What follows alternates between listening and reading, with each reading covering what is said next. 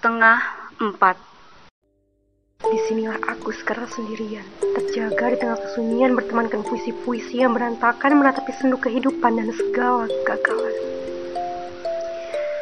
Seraya mengais setiap derita yang kumohonkan berakhir meski perlahan. Kulukis mengapa pada langit senja, tentang apa pun yang membuatku termenung sedemikian rupa, tentang cinta dan segala hianatnya, atau kehidupan yang tak satu malaikat pun tahu tujuannya. Aku berada di sudut nestapa, menangis lagi dan lagi tanpa jeda menggenggam hati yang sudah tak berwarna.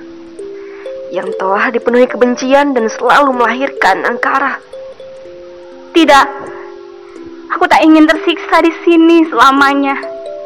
Aku harus bangkit dan melangkah segera. Mencari dan mengumpulkan puing-puing bahagia, kembali percaya, dan berhenti mengutuk apa-apa.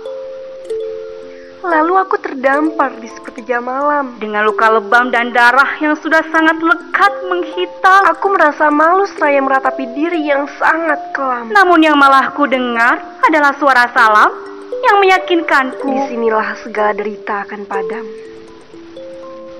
Tuhan, aku ingin bercerita.